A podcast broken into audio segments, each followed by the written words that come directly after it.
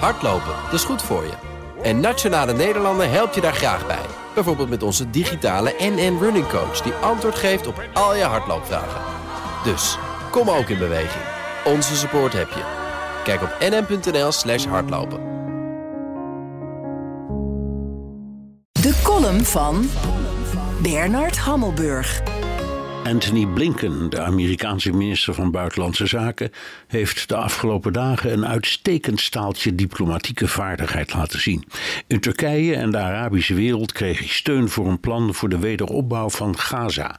Daarmee gaf hij Bibi Netanyahu aan dat de oorlog moet eindigen zonder Israël af te vallen, maar ook dat het streven naar een twee-staten-oplossing uitgangspunt blijft.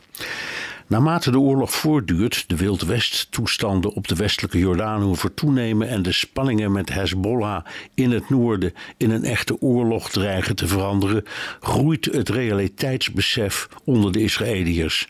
Hun hoogste prioriteit blijft de terugkeer van de gijzelaars, maar ze zien ook in dat verdere verwoesting van Gaza niet zal leiden tot volledige uitschakeling van Hamas. En staakt het vuren in ruil voor de gijzelaars is wat ze het liefst zien.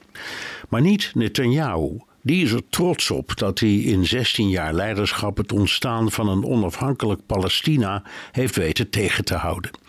Bij de laatste kabinetsformatie heeft hij daarom een coalitie gesloten met de partijen van de extreemrechtse Bezalel Smotrich en Itamar Ben-Gvir, die voor volledige inlijving van de bezette gebieden zijn en de Palestijnen het liefst verdrijven.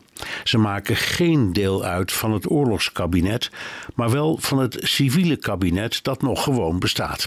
Ze waren Bibi's steunpilaren bij zijn poging om de onafhankelijke rechtbank de nek om te draaien, niet in de laatste plaats om hem uit het gevangen te houden wegens corruptie. De integriteit van de rechtsstaat is gelukkig op het laatste moment door het Hooggerechtshof gered. Na de pogrom van Hamas op 7 oktober leefden de meeste Israëliërs met de illusie dat de binnenlandse politieke spanningen er even niet meer toe deden. Zo'n catastrofe eist eenheid en onder de bevolking was die er ook, maar niet onder politici.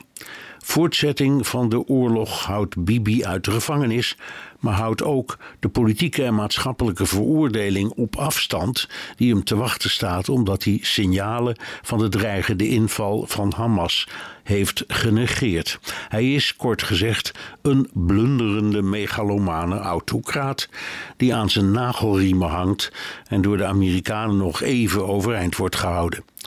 Dat doen ze voor hun oude bondgenoot Israël, niet voor Bibi. Waar de Amerikanen mee bezig zijn, schrijft Politico, is met Bibi zitten. Wees niet verbaasd, zegt een Israëlische bron, als hij binnenkort de benen neemt naar Miami, waar een van zijn zonen al bezig is een nieuw huis in te richten. Business Booster. Hey ondernemer, KPN heeft nu Business Boosters. Deals die jouw bedrijf echt vooruit helpen. Zoals nu, zakelijk tv en internet, inclusief narrowcasting... de eerste 9 maanden voor maar 30 euro per maand. Beleef het EK samen met je klanten in de hoogste kwaliteit. Kijk op kpn.com businessbooster. Business Booster.